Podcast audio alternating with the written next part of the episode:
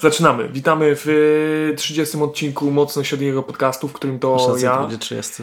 Wow. Jakub, opowiadam mojemu przypadkowo spotkanemu koledze E, Maćkowi, tak, cześć. przypadkowo znalezioną historię dotyczącą różnych wydarzeń starszych i nowszych. O proszę. Chwilowo Dzisiaj przerywamy wszystkie serie, które posiadamy, żeby zacząć coś nowego. Tak, tak, Cudownie. robimy coś kolejnego. Em, Kolejna nieskończona Nawet- rzecz w moim życiu. nawet napisałem sobie taki ładny wstęp. To słucham Tak w mi się takim przynajmniej razie. wy, wy, wydaje. Wydaje ci się. No, posłuchajmy w takim razie. E, Różne literackie tytuły miały e, wpływ na historię ludzkości. Biblia, Harry Potter, protokoły mędrów, mędrców Syjo- Syjonu. No i jak wiadomo, każdy ma swój ulubiony cytat z encykliki papieża Polaka Jana Pawła II. Na pewno z No to kieszeni są fakty. rzu- rzucić jakimś swoim Nie chcę zawstydzać teraz e, naszych 40 słuchaczy, e, moją znakomitą wiedzą na temat encyklik, Także Chciałbym przygotujesz to przypomnieć, na 50 że w gimnazjum e, zająłem trzecie miejsce na konkursie wiedzy o Janie Pawle II. I się do niego nie przygotowałem. teraz Nawet to- nie jesteś, nie masz świadomości, co bym mógł osiągnąć, gdybym się przygotował. No byłbyś już dawno w Watykanie. Pytanie jako kto, ale Zobaczymy. zobaczymy. Pożyjemy, zobaczymy. Przeżyjemy, zobaczymy.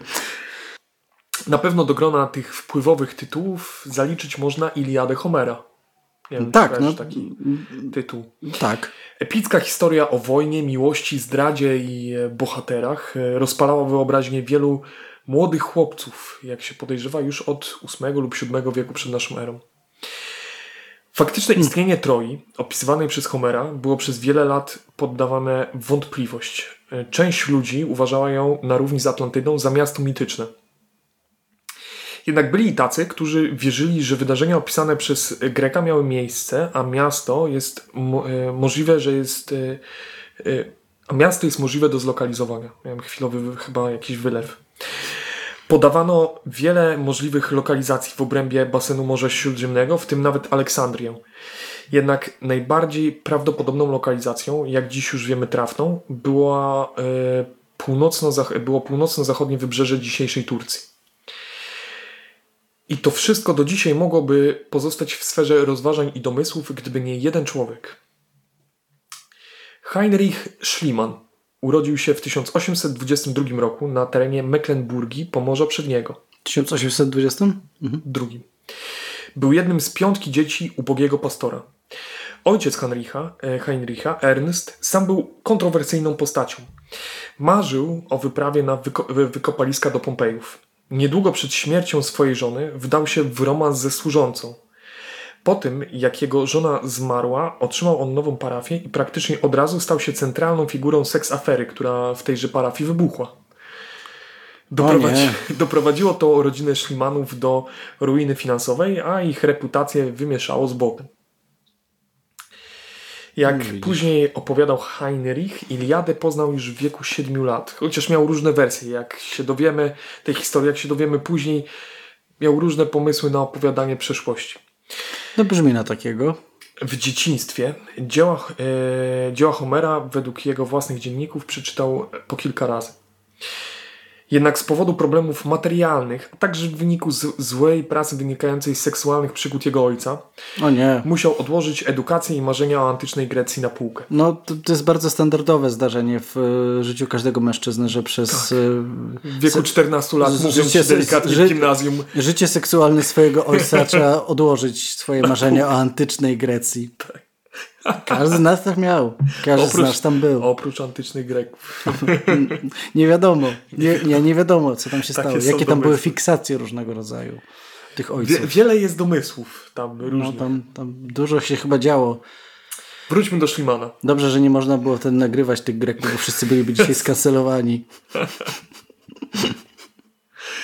W wieku 14 lat rozpoczął pracę w sklepie. Następnie po kilku latach, dzięki znajomościom, zaciągnął się na statek płynący do Wenezueli. Heinrich nie miał szczęścia, ponieważ statek zatonął u wybrzeży Holandii. Okej, to, to kończymy historię. Kończymy, tak. W tym momencie moglibyśmy skończyć historię, jednak Szymanowi udało się wyjść cało z katastrofy. Okej. Prawie cało. Koniec 1841 roku Schliemann spędził w holenderskim szpitalu. Czas ten poświęcił na, samokształ- e, na samokształcenie, w tym na naukę języków obcych. Przejawiał do nich prawdziwy talent i to jest jedna z tych rzeczy, których można być pewnym. Pod koniec życia posługiwał się 22 językami. Pięknie. Tak. Jego dzienniki, które dzisiaj są w jakiejś części dostępne, pisał w 17 różnych językach. A widzisz, a ja nawet polskiego dobrze nie opanowałem. Tacy to właśnie jesteśmy. Gdzie ty byłeś w wieku 20 lat?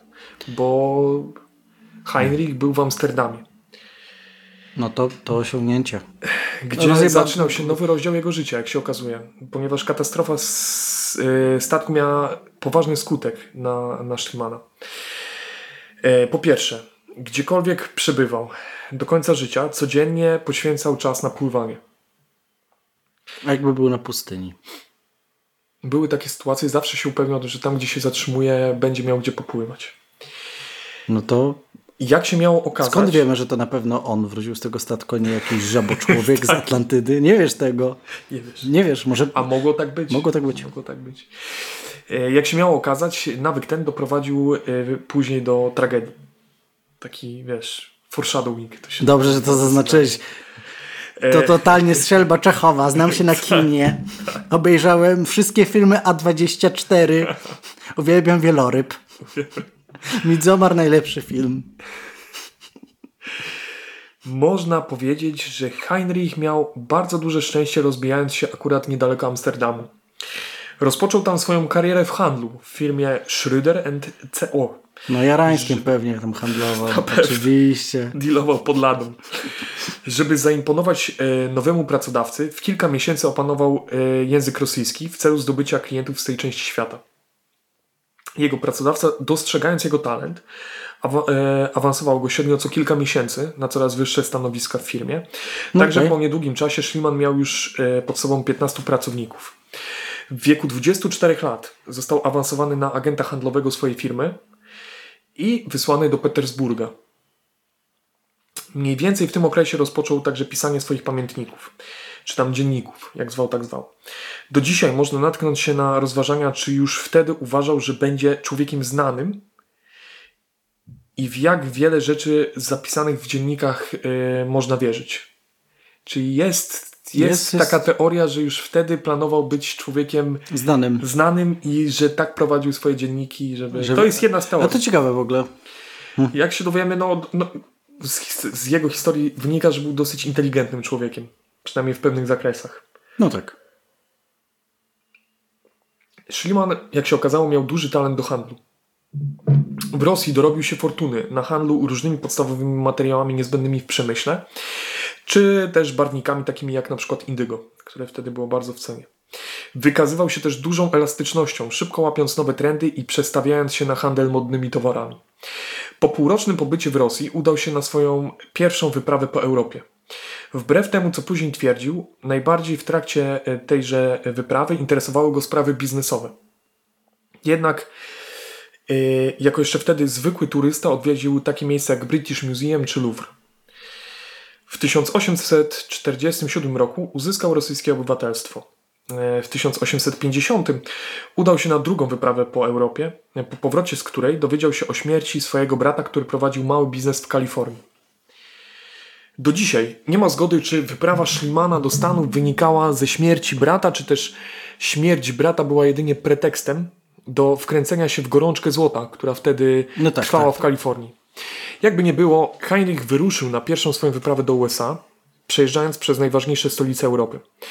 Jego dziennik, o dziwo jechał pochować swojego brata, a jego dziennik pełen jest opisów ekskluzywnych hoteli i prestiżowych wydarzeń kulturowych, w których Schliemann brał udział e, w trakcie tejże wyprawy.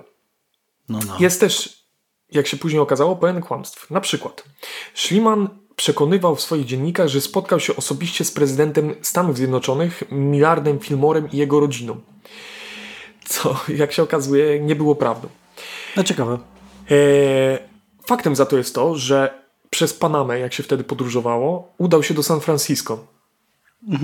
Dotarł tam 4 kwietnia 1851 roku. E, Ta data, jak wiele innych, będzie potem istotna w jego historii.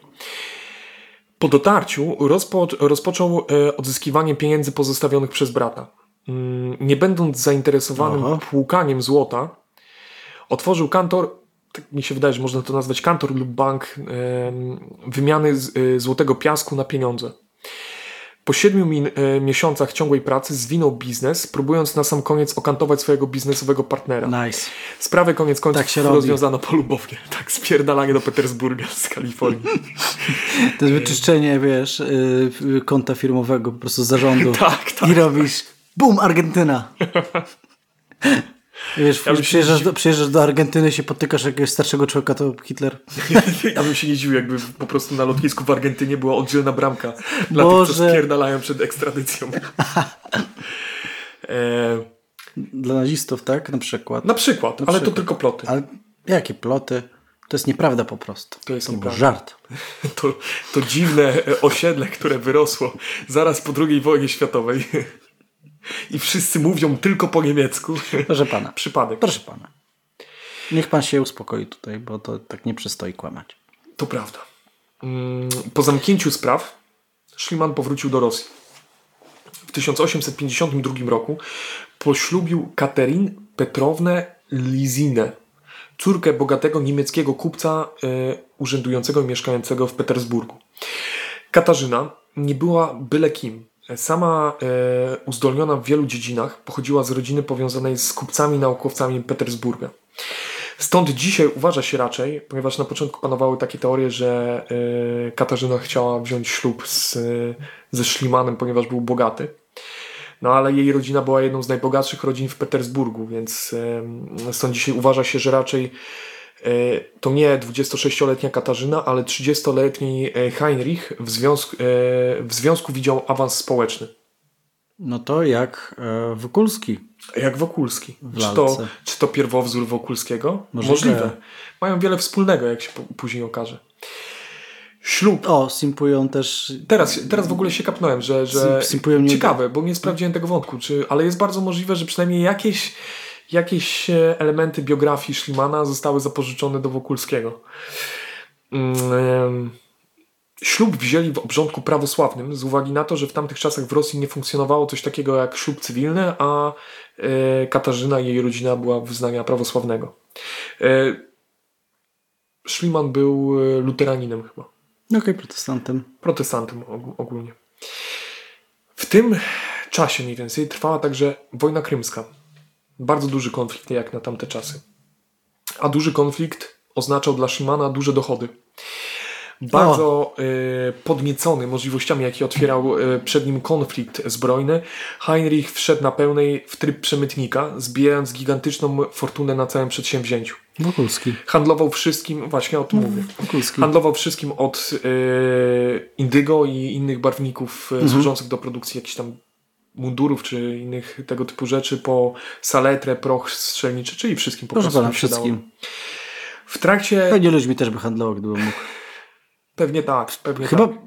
Nie wiem. Ciekawe, czy gdzieś jeszcze mógł wtedy. Pewnie tak. Mógł, w Stanach był. Był w 51 e, raz w Stanach, 1850. Jeszcze wtedy było na całym południu niewolnictwo. Faktycznie. W e, trakcie wojny udało mu się dokonać kilku nowych rzeczy nauczyć się kilku nowych języków, w tym języka polskiego, oraz zaniedbać żonę, która była w pierwszej ciąży. To. Wjeżdża każdy bohater XIX wieku na pełnej. No, chciałem powiedzieć, że no, takich polskich tradycji też się trochę nauczył. Przypadkowo, przypadkowo nauczył się w tym czasie języka polskiego? Nie wiemy. Nie wiemy. Nie wiemy też, jaki, czy, czy stan jego koszulki to posiadał rękawy, czy nie wiemy. Nie wiemy. Możemy się tylko domyślać. No dobra, wojnie, wyszedł po mleko i co tak, tam dalej? Jeszcze nie wyszedł, ale wyjdzie. Po, e, po wojnie, pomimo kryzysu, e, który nastał, e, udało, udał się na kolejną wyprawę.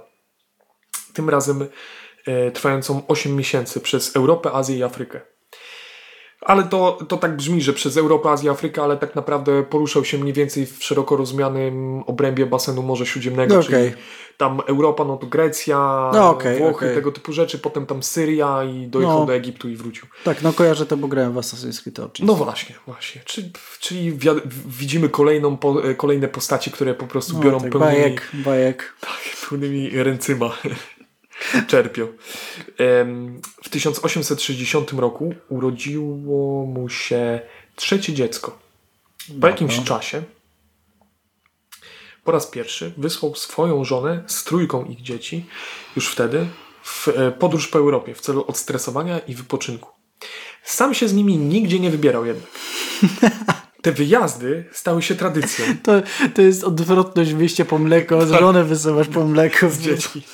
Schliemann wysyłał y, swoją rodzinę w miarę regularnie na kilkumiesięczne wycieczki. Po mleko.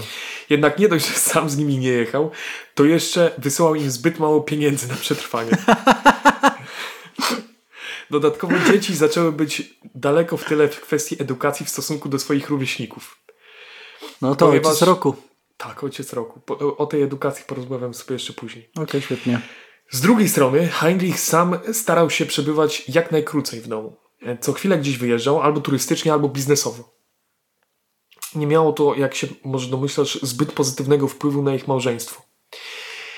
W międzyczasie e, Schliemann e, z takich ważniejszych wydarzeń jego życiowych sądził się także z jednym ze swoich byłych kontrahentów o dużą sumę pieniędzy.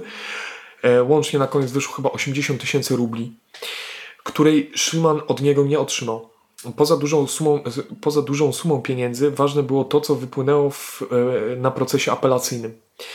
Mianowicie okazało się, że najprawdopodobniej Schliemann przekupił prawnika swojego przeciwnika, aby wyłudzić od niego dokumenty. No to powiem tak. Rozprawę łącznie z apelacjami trwało chyba z 6 czy 7 lat. W końcu w- wygrał, ale No, czyli sądy działały wtedy tak samo dobrze jak teraz działają. Dziękujemy. jakby nie ma dużych różnic Dziękujemy pomiędzy, prokuratura i pomiędzy ministerstwo. 1860 a 2023 i to między Rosją a Polską. Nie ma żadnych. W 1864 roku jego konflikt z żoną i jej rodziną na tle edukacji dzieci stał się na tyle poważny, że Schliemann, Schliemann widząc, że przegrywa ten konflikt, Mhm. stwierdził, iż więcej biznesów w Rosji nie zrobi, spakował walizkę i wypierdolił na dwuletnią podróż dookoła świata.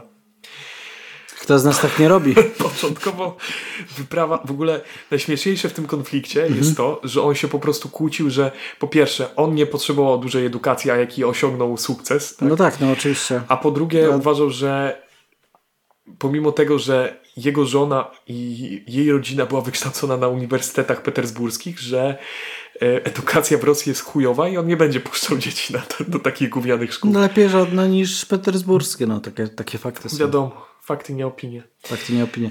E, fajnie, no. Fajnie, fajnie. Także e, Ojciec roku. Ojciec roku. Początkowo wyprawa 1951. 64. 64. Ojciec roku.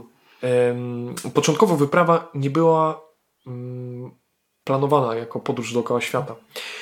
A Heinrich po prostu wyruszał tam, gdzie serce go poniosło. W trakcie pobytu w Tunezji po raz pierwszy nabawił się infekcji ucha w wyniku jego zwyczaju codziennych kąpieli. Przez to musiał na chwilę wrócić z powrotem do Europy. Po leczeniu we Włoszech i Prusach wrócił na szlak i udał się do Azji. Przez Azję Południową i Południowo-Wschodnią udał się do chińskich portów. Musiał zrobić postój w międzyczasie w Indonezji, aby przejść operację ucha. Z Chin przez Pacyfik udał się do Kalifornii. Stamtąd przez Amerykę Środkową, Nowy Orlean i Nowy Jork dotarł do Kanady. Po pobycie w Kanadzie przez Londyn udał się do Paryża, gdzie w 1867 wydał w formie książkowej swoje pamiętniki. Była to jego pierwsza publikacja. W 1866 roku mm, po powrocie jeszcze z Paryża, e, po powrocie do, do Europy, na chwilę wrócił do rodziny mm, do Petersburga. Ciekawe, Tak. jak wtedy, tak, przepraszam, że przerwę, jak wtedy wyglądała promocja takiej książki, no bo dzisiaj wiemy, jak to wygląda mniej więcej. Jak to wyglądało, pewnie- wiesz, pewnie- jak to wygląda? Pewnie wysyłał do jakichś, e, na jakieś uczelnie, do jakichś tam naukowców czy coś tam. No, wiesz, były też księgarnie. No ale wiesz co, to, On, on e, z tego co czytałem, sam publikował swoje książki. Znaczy miał tyle kasy, że po o, prostu... self-publishing, no to tak, wizjoner. Tak, tak, tak, DIY. DIY, wizjoner. E, Nie No potrzebował Amazona. proszę pana. Em, Po co ci Amazon, kiedy możesz sobie sam wydać książkę? My też Kiedy na możesz pewno, po prostu zarobić też na pewno kiedyś wydamy książkę. zbrojnym i, i wydać książkę. Em, wrócił na chwilę do Petersburga, jednak separacja nie pomogła. Em, niedługo po przyjeździe Schliemann udał się do Samary, do sanatorium, gdzie po miesiącu też zaczął e, odczuwać znudzenie. Z Samary udał się z powrotem do Paryża. Tam podjął naukę na Sorbonie, uzyskując nawet dyplom. Był to też czas ostatecznego rozwiązania konfliktu z żoną. Schliemann próbował namówić Katarzynę do opuszczenia Rosji i przyjechania z dziećmi do Paryża albo przynajmniej do Drezna. Po jej ostatecznej odmowie wysłał jej list, w którym oświadcza, że w takim razie tym razem naprawdę ją opuszcza. Udał się w kolejną wyprawę. Ciekawe, jak przekazał tupnięcie nóżką przez ten list. Może nie wiem, miał kartkę, gdzie miał odcisk buta taki, podnieciona nie, taka kartka. Nie, Boże, te, i te dzieci takie, czemu mój tata, tata jedyne co robi to chodzi pływać i ucieka przed nami. Jak wygląda mój tato. Mama mu żabę pokazuje, bo żaby też pływają. Nie, nie wiem, nie wiem. tak, rysunki żaby. Pepe po prostu taki. Hmm. E, udał się w kolejną wyprawę, w wyniku której w 1869 roku trafił do India Indianapolis. Okay. Tam natychmiast zakupił kilka nieruchomości. I tu jest pytanie, po co? Kto po normalnie co? jedzie do Indianapolis? I zakupuje nieruchomości. Szczególnie w drugiej połowie XIX wieku. Nie mam bladego pojęcia. Powód tego był prosty. Schliemann już w 1867 roku podjął pierwsze próby rozwodu. Jednak wtedy zorientował się, że w trakcie ślubu podpisał dokument, w którym oświadczał, że od teraz wszystkie sprawy w ich domu będą prowadzone zgodnie z przepisami i obrządkami Kościoła prawosławnego. Z tego wynikało, że Schliemann, żeby otrzymać yy, rozwód, musiała się po pierwsze jego żona na to zgodzić, bo ona była wyznania prawosławnego, a po drugie musiał się zgo zgodzić na to Sobór w Rosji. Stąd... Poczekaj. Jakie są konsekwencje nierozwiedzenia się i robienia sobie czegokolwiek się żywnie podoba w Ameryce? Co, ścigną go alimenty? Z, zaraz, z, zaraz, do, zaraz, zaraz do tego dojdziemy, bo to nie były ostatnie próby i są tego wyniki. Stąd pomysł na rozwód w Stanach. E, w tym celu Heinrich w sposób nielegalny uzyskał obywatelstwo Stanów Zjednoczonych. I okay. były, były dwa, dwie, dwie, metody. Po pierwsze, jak mówiłem, przyjech, e, jak mówiliśmy wcześniej, do Kalifornii dotarł w kwietniu 51 roku. Tak. Później twierdził, że znalazł się tam, już nie pamiętam którego miesiąca, ale w roku 50. O co chodziło? W roku 50 Kalifornia została przyłączona do Stanów Zjednoczonych i z automatu wszyscy ludzie, którzy w tamtym czasie przebywali w Kalifornii, zostali znaturalizowani i dostali, otrzymali obywatelstwo amerykańskie. Jak się okazało, ta metoda z tego co czytałem, to jest trochę zagmatwane, nie wypaliła, dlatego po prostu e, sfałszował e, dowody na swój pięcioletni pobyt w Stanach, bo to wtedy wystarczyło, żeby otrzymać obywatelstwo. Koniec końców dostał to obywatelstwo. Zaradny. Następnie najął prawników, którzy jak dzisiaj się uważa, pomogli mu sfałszować listy od żony. W, w tych listach, e, tymi listami próbował udowodnić, że żona e, utrudnia mu realizację jego Wyobrażasz sobie, marzeń. że po prostu to jest fałszowanie DM-ów? Tak, tak. Tak. Siedzi ten prawnik i piszą do siebie list. Teraz tam napisz, że mnie nienawidzisz. Napisz, napisz, że mnie nie lubisz i nie, wyjeżdż, nie wyjedziesz nigdy z Rosji. Bo tak napisali w tych fałszywkach, że, wow. że jakby pisząc te, te listy, napis, y, jakby słowami jego żony, ona niby teoretycznie mówiła, że nigdy w życiu nie wyjedzie z Rosji i nie pozwoli swoim dzieciom wyjechać z Rosji, więc żeby przestał ich namawiać do przyjazdu do Stanów Zjednoczonych. Miało to na celu no tak. zdobycie sympatii sędziego, bo Indianapolis miało taki przepis, że tam są, były wypisane konkretne powody, kiedy można dostać rozwód lub kiedy sędzia uzna, że powód jest wystarczający. Więc była też, był, był też inny wymóg musiałeś wykazać, że przynajmniej od roku mieszkasz w Indianapolis, żeby e, dostać ten rozwód. W tym celu wcześniej kupił e, te nieruchomości, ale minęło dopiero parę tygodni od zakupu. Dlatego Schlimanowi udało się znaleźć człowieka, który najprawdopodobniej za odpowiednią opłatą przysiągł, że Schliemann mieszka od roku w okolicy. Czemu nie mógł po prostu tam pomieszkać przez ten rok i potem się rozwieść? Jakie nie miał są, czasu, Jakie są konsekwencje miał, to, tego, że się nie rozwiedzie z żoną? Wiesz, to nie są ludzie nie takie leniwe były jak my, że po prostu siedzimy przez rok i... i... Mógłby siedzieć przez rok i sobie on w Minecrafta za, grać. On miał za dużo rzeczy do zrobienia. Okej, okay. Zaraz się dowiemy jakich, tak? Zgodnie, e, zgodnie z zapiskami e, Schlimana w jego dziennikach, był to naj, była to najprawdopodobniej osoba pochodzenia żydowskiego, ponieważ tutaj są słowa Schlimana. Gdy Żyd nie dotrzymuje przysięgi złożonej bez nakrycia głowy, nie ma obowiązku jej dotrzymać. Nie wiem, czy tak jest. Tak napisał Schliemann, że będzie szukał osoby pochodzenia żydowskiego, bo, bo taki jest, nie wiem, czy tak, taki... No, inteligentny. Ileś języków i... Zaraz po otrzymaniu rozwodu Schliemann od razu opuścił Indianapolis. Jednak jak się okazało, pomimo tego, że jego prawnicy potwierdzili rozwód na terenie Niemiec, żeby było, że w Europie, w Rosji był on nadal nielegalny. W wyniku tych wszystkich wydarzeń Schliemann na terenie Rosji nie dość, że był uważany za bigamistę, co było nielegalne, to jeszcze za przestępcę, ponieważ... Co to znaczy bigamistę? Bo zaraz przejdziemy do tego, jak chwilę później wziął sobie drugą żonę. Pomimo tego, że w, Rosjan, w Rosji masz, e, wtedy nie, miałeś uznany rozwód... Stallone. Y, Co? Stallone? Czemu Stallone? Y, Boże, nie Stallone, ten drugi. A, Seagal. No, Przepraszam, oni się mylą wszyscy. Faktycznie. Seagal moment, tylko ten jest Seagal mądry akurat. Em, był uważany na terenie Rosji za bigamistę, to jeszcze za przestępcę, ponieważ bez zgody władz rosyjskich przyjął obywatelstwo innego e, państwa. No to przypał. Ale Schliemann nie marnował czasu. Tak jak sobie przed chwilą powiedzieliśmy. Jeszcze w 1969 roku napisał list do znajomego greckiego arcybiskupa, aby ten wysłał mu zdjęcia wdów i wolnych kobiet z okolicy, z których mógłby wybrać sobie żonę. Także tak wyglądał Tinder w XIX wieku. Piszesz do znajomego arcybiskupa, ziomek ci No, wysyła zdjęcia Chłopie, chłopie, gorących mamusiek z okolicy. Zobacz, Jak zwykle w takich 40 historiach... lat szkorbut. jak zwykle w takich historiach oczywiście nie może być, nie może zabraknąć creeperskiej historii. Nie. Padło na 17-letnią Greczynkę, siostrę e, kuzyna tegoż arcybiskupa. E, siostrę kuzyna, nie, przepraszam, córkę kuzyna tegoż arcybiskupa. No to super. E, ale wracając do Troi, bo zaczęliśmy historię od Troi, a Proszę opowiada, pana, opowiadam o groomingu o groomingu w. XIX wieku. W 1868 roku, w trakcie pobytu na terenie dzisiejszej Turcji, wtedy Imperium e, Osmańskiego, Schliemann poznał Brytyjczyka, archeologa amatora Franka Calverta. Tenże człowiek stwierdził, że wszyscy inni szukający Troi w okolicy mylą się o kilka, kilkanaście kilometrów. Jego zainteresowanie padło na wyniesienie nazwane Hisarlinki. Zakupił w pobliżu farmę i rozpoczął wykopaliska, dokonując pomniejszych odkryć związanych z antycznymi Grekami i Rzymianami. Jednak e, w 68 roku skończyły mu się fundusze. I, Okej. wtedy, I wtedy jak z nieba spadł mu Schliemann.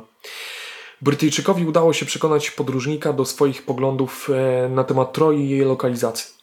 Heinrich zadeklarował podjęcie prac w proponowanym przez Calverta rejonie. Schliemann upłynnił wszystkie swoje aktywa i biznesy, pieniądze zdeponował w bankach i wyruszył wtedy już ze swoją drugą żoną na poszukiwanie Troi. Rozpoczął te, te poszukiwania na, obszarze 77 mil kwadratowych, gdzie z Calvertem zakładali obecność starożytnego miasta. Jak później miało się okazać, nie do końca posiadając potrzebne zgody od władz. Z uwagi na posiadaną fortunę, Schliemann był w stanie zatrudnić około 120 pracowników. Według, e, według jego zapisków pracowali od zmierzchu do świtu. Żeby nie było, Schliemann pracował też razem z nimi. Nie to, że tam wstawał o 9 i biczował i, i wracał o 10, bo miał fajrant. W końcu, po pierwszym sezonie wykopalisk, Schliemann stracił cierpliwość. Trakcie prac, jak uważał, natrafili tylko na greckie i rzymskie pozostałości osadnictwa, a on miał w planach odkryć Troję. Zakładał, że Troja znajdowa- znajdować się będzie w najniższej warstwie osady. Dlatego w trakcie jednej z największych archeologicznych masakr, masakr e, jakie miały miejsce w historii, prowadził pracę nie dbając o wyższe poziomy. Czyli jak kopiesz sobie na wykopaliskach, to metody archeologiczne, które już wtedy powoli zaczyna, zaczynały być y, wykorzystywane i opracowane, polegają na tym, że jak kopiesz, to piszesz przez co kopiesz. Łącznie z tym, że dosyć często na wykopaliska zabiera się geologów, którzy opisują e, po prostu e, osady, w których, e, przez które się przechodzi. Nie?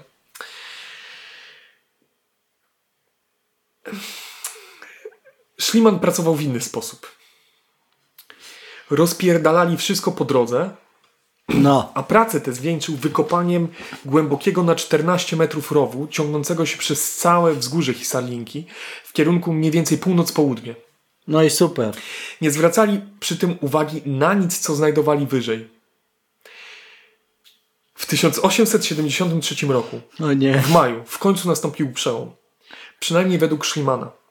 Razem ze swoim pomocnikiem znalazł coś, co nazwał skarbem Priama. Jak może pamiętasz, w Iliadzie Priam był królem Troi.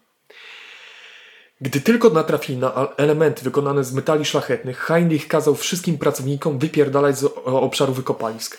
Następnie zaczął przynosić odkryty skarb do baraku i dopiero tam zaczął go opisywać. Wezwał tam też swoją młodą żonę.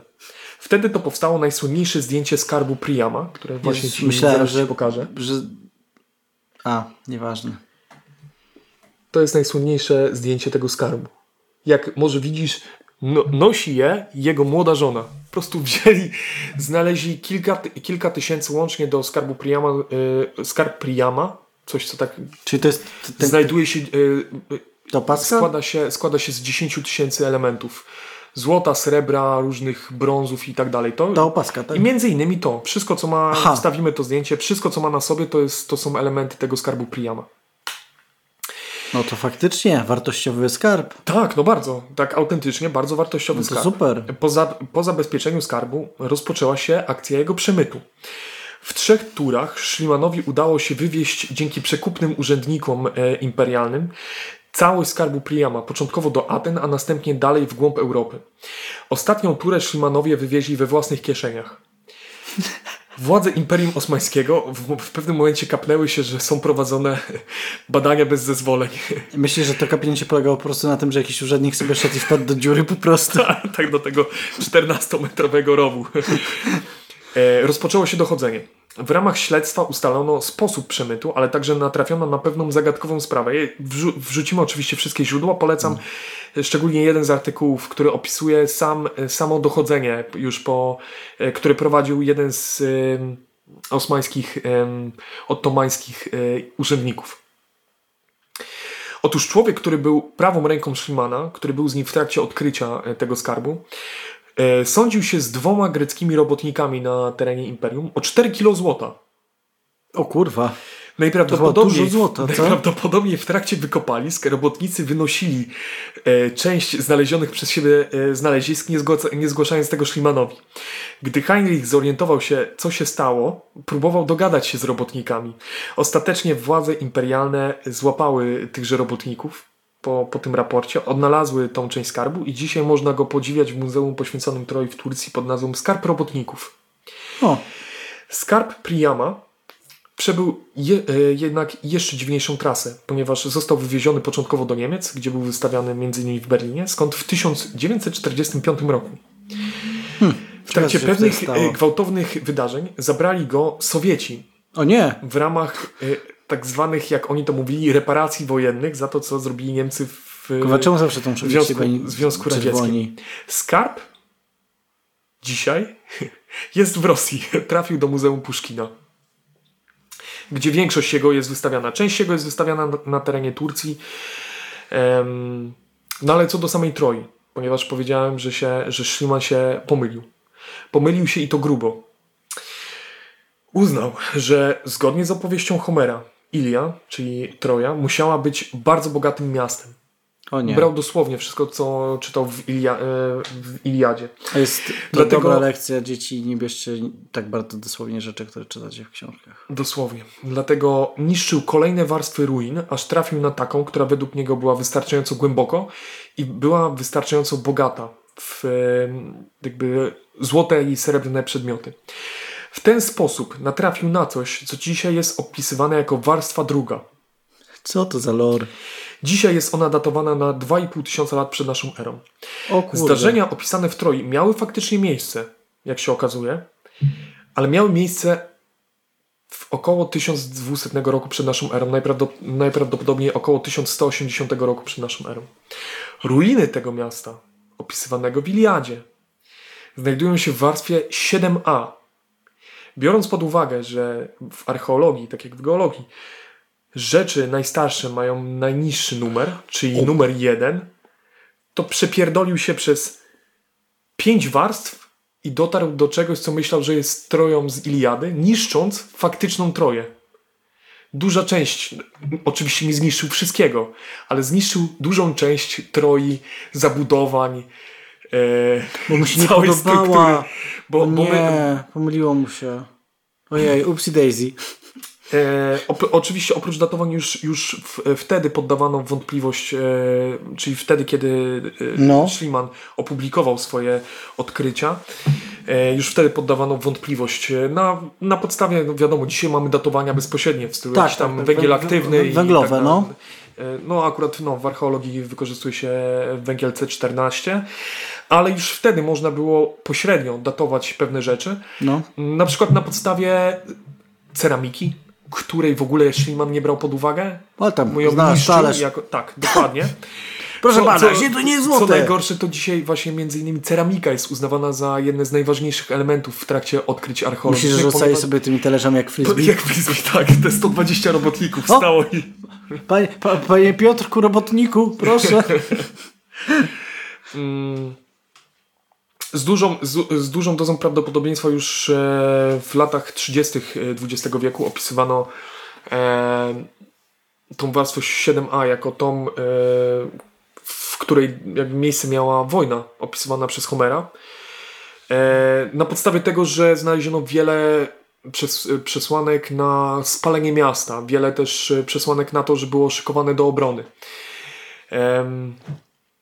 Konia znaleźli? Konia z rzędem. A. No dobrze, no. E, jak dzisiaj już wiadomo, e, jak dużo innych dobrze usytuowanych miast e, w historii. Mm, na obszarze tro, siedlis, historia siedlisk na obszarze Troi sięga około 3,5 tysiąca lat przed naszą erą. A na tych obszarach jeszcze w średniowieczu mieszkali ludzie. Mhm. Sprawiło to nawarstwienie pozostałości po osiedleniach. I historia Troi, nie opowiemy sobie całej historii, ale jest bardzo fascynująca od samego początku, czyli od tych 3,5 tysiąca lat. Ono przez swoje usytuowanie blisko y, cieśniny, y, w której dzisiaj zlokalizowany jest Istanbul, wcześniej Konstantynopol, y, bardzo szybko mogło się wzbogacić, stąd te, stąd te złoto najprawdopodobniej wojna, którą opisywał e, Homer. Nie wiadomo, czy, czy ci bohaterowie, czy te postacie, które tam opisał, nie wiem, Agamemnon, czy faktycznie istnieli, ale ta wojna po prostu miała, mogła mieć miejsce na podłożu takim, że babę, Troja mogła... Babę zabrali. Babę, tak. Babę, babę zabrali. Zabrali babę. Najprawdopodobniej Troja była czymś na kształt bazy pirackiej w tamtym czasie o. E, która bogaciła się na rabowaniu statków, które tamtędy przepływały. To był ważny szlak handlowy. Mogło być, nie musiało. Jest ileś teorii, e, także to też podlinkujemy. E, ale na przykład też ciekawym, ciekawym jest to, że za czasów antycznej Grecji i Rzymu zakładano w ogóle te, te ruiny dalej tam funkcjonowały, więc to było miejsce po prostu turystyczne dla Greków i Rzymian i wtedy rozwijała się turystyka na no tym widzisz, obszarze. Dzięki Także, temu nasz bohater mógł sobie chodzić i pływać. Tak. E, I tak naprawdę w, jeszcze w średniowieczu tam były jakieś siedliska e, na tym obszarze. Potem po, e, po, potem w wyniku tego, że po prostu istniał niedaleko Konstantynopol, najprawdopodobniej nie opłacało się już tam mieszkać. I to wszystko popadło w zapomnienie do tego stopnia, że ludzie zapomnieli, że w tym miejscu była Troja e, kiedyś. Dokładnie w tym miejscu. No i co by nie mówić, Schliemann swoim 14-metrowym e, rowem odkrył i zniszczył ponownie Troję. Zrobił to, co nie udało się Grekom. no to widzisz. Dalsze badania były na tym obszarze prowadzone w miarę regularnie e, i są prowadzone do dzisiaj z przewami na różne duże światowe konflikty. Schliemann po opuszczeniu Imperium Ottomańskiego postanowił, nadal e, posiłkując się Homerem, poszukać pozostałości przeciwników e, Troi, e, przeciwników rządzonych przez Agamemnona. I w ten sposób dokonał na terenie Grecji w 1876 roku kolejnego dużego odkrycia. Znalazł m.in. coś, co nazwał maską Agamemnona. Maska, która najprawdopodobniej była wykonana w celu pochówku przy czym ponownie najprawdopodobniej, najprawdopodobniej przestrzelił tym razem o około 300 lat. Jednak faktem jest to, że znalazł pierwsze ślady czegoś, co dzisiaj określane jest jako kultura mykeńska. Chociaż są ludzie podający wątpliwość prawdziwość odkrytej maski. W 1890 roku Schliemann po raz któryś nabawił się infekcji ucha. E, zmarł kilka dni e, po operacji w wyniku nieprzestrzegania zaleceń lekarzy. Został pochowany w 1891 w Atenach. I to jest historia który, e, człowieka, który odkrył Troję. Troje dzisiaj można zwiedzać. E, jest tak, tak, takim miejscem jak na przykład Pompeje. Okay. E, z tego co czytałem, ja tam nie byłem, ale z tego co czytałem i widziałem zdjęcia e, na samym, na samym wjeździe do Troi przy parkingu stoi taki kiczowaty drewniany koń wybudowany przez Turków stoi, je, w latach 70. Stary, to, to, nie jest pytanie czy stoi, tylko jak duży jest, nie? Bo to jest, duży. Jest, jest duży, duży, jest duży ten koń. No tak, to super. jest duży. Nie wiem, czy tam w każdej chwili siedzi kilku Turków i... O Jezus, i tylko żeby wiesz, i tak ciu, ciu, ciu, ktoś przychodzi. I wychodzą w nocy. Tylko w nocy. Tak się, tak, się, tak rozkręcają biznes przemytu nielegalnych migrantów na teren Grecji. Właśnie mam pytanie, czy oni przemycali e, ten, ten skarb właśnie też w takich koniach na przykład? to, to, by, by było, było piękne. to by było dobre, jakby po prostu rozwinęła się tam w międzyczasie e, turystyka, żeby zobaczyć Troję i oni mieli takie malutkie konie trojańskie i przemycali w tych koniach trojańskich prawdziwy ten skarb Priama. I Także... przy... Ale to, to brzmi jakby wtedy jak z odcinka Scooby-Doo i by na końcu przyjechała... Bez kitu. I by ściągnęli maskę małego konia, a tam duży koń pod spodem. Nie, i to by był, ścigał ich by duch tego e, Achillesa. Achille... Stary. Bez kitu. Bez kitu. No, e, także to była historia odkrycia Troj. Widzisz, dzisiaj pierwszy raz od dawna mamy temat e, Ale fajnie, prawdziwie wesoło. poważnie historyczny. Ale super, cieszę się. E... Dzisiaj nie było rasistów. Czy ja wiem, czy Ślimak nie był... I, w tym Kurwa. momencie ucinamy odcinek. Nie no, yy, nie, nie, znalazłem Ale wiesz, nie znalazłem żadnych yy, przesłanek na to, żeby Szliman w jakikolwiek sposób był rasistą. Inna sprawa, że nie czytałem jego dzienników, a są, są dostępne yy, z tym, że ich, ich jest tyle, on, on już on od początku, jak zaczynał pisać te dzienniki, wydaje mi się, że chyba gdzieś tam w okolicy lat 40., 50. XIX wieku, to najprawdopodobniej już w jakiś tam sposób zakładał, że będzie znany. Dlaczego? Dlatego, że jak pisał listy do kogokolwiek, to zawsze pilnował tego, żeby samemu robić kopię tych listów, bo się bał, że adresaci nie będą ich prze przechowywali należycie. Więc za każdym razem pisał Ale długo schnącym, długo schnącym atramentem, że, żeby w momencie, kiedy skończy pisanie listu, przyłożyć kalkę do tego listu i odbić ten list, żeby Ale mieć ego kopię. top. Wyobraź sobie mieć tak potężne ego, żeby sobie... Wyobraź sobie, że sobie teraz listów. robisz kopię swojego Messengera? Człowieku, ja szybko go... Łop. Łop, łop, łop. No to. Nie, ale miał tak już, tak już e, mówiąc prawdę, miał, miał duże ego i to widać od samego początku. Jest bardzo duże ego, on musiał je codziennie chłodzić to jest jak z po prostu z elektrownią atomową. Tam musi być woda cały czas dostarczana, tak. bo inaczej by się spalił. No tak, no tak. I nie wiadomo tak naprawdę ile rzeczy zniszczył, co nie? Odkrywając. Mi się wydaje, że gdyby... Uwielbiam, że to liczenie jest po prostu z jakiejś gry komputerowej, wiesz, jak w Isaacu coraz niżej schodzisz. Tak, tak, tak, tak. Na końcu po prostu szedł do takiej mięsnej jaskini po prostu, nie? I tam znalazł... Yy... Tak ostateczny boss. E, czy, czy Troja zostałaby odkryta do dzisiaj? Gdyby nie Schliemann, wydaje mi się, że tak. Nie, no pewnie, że tak, no stary. Wydaje mi się, że tak. Oczywiście, że tak. To, to nie jest tak, że on zrobił coś, w sensie zrobił to, to, to jest ciekawe, w jaki sposób to odkrył, ale wiesz, no... Wiesz co, to był... To, był, to, to, to jest chyba w ogóle jeszcze przed taka... gorączką takiego yy, piramid. Piramidy później były nie, odkryte. Nie, nie, nie. Piramidy nie były w ogóle zagubione. Inaczej, nie piramidy. No, nie, to był właśnie taki pik. Sas... To był pik y, tej A nie przełom? gorączki y, archeologicznej, nie... która się zaczęła gdzieś pewnie w, w trakcie odkrycia Pompejów. Okej. Okay. Mi się zdawało, że to było trochę bardziej nie. przełomowe. Lata. Nie, nie, nie, nie, nie. 1870. Wiesz ile Muzeum Brytyjskie już wtedy nakradło?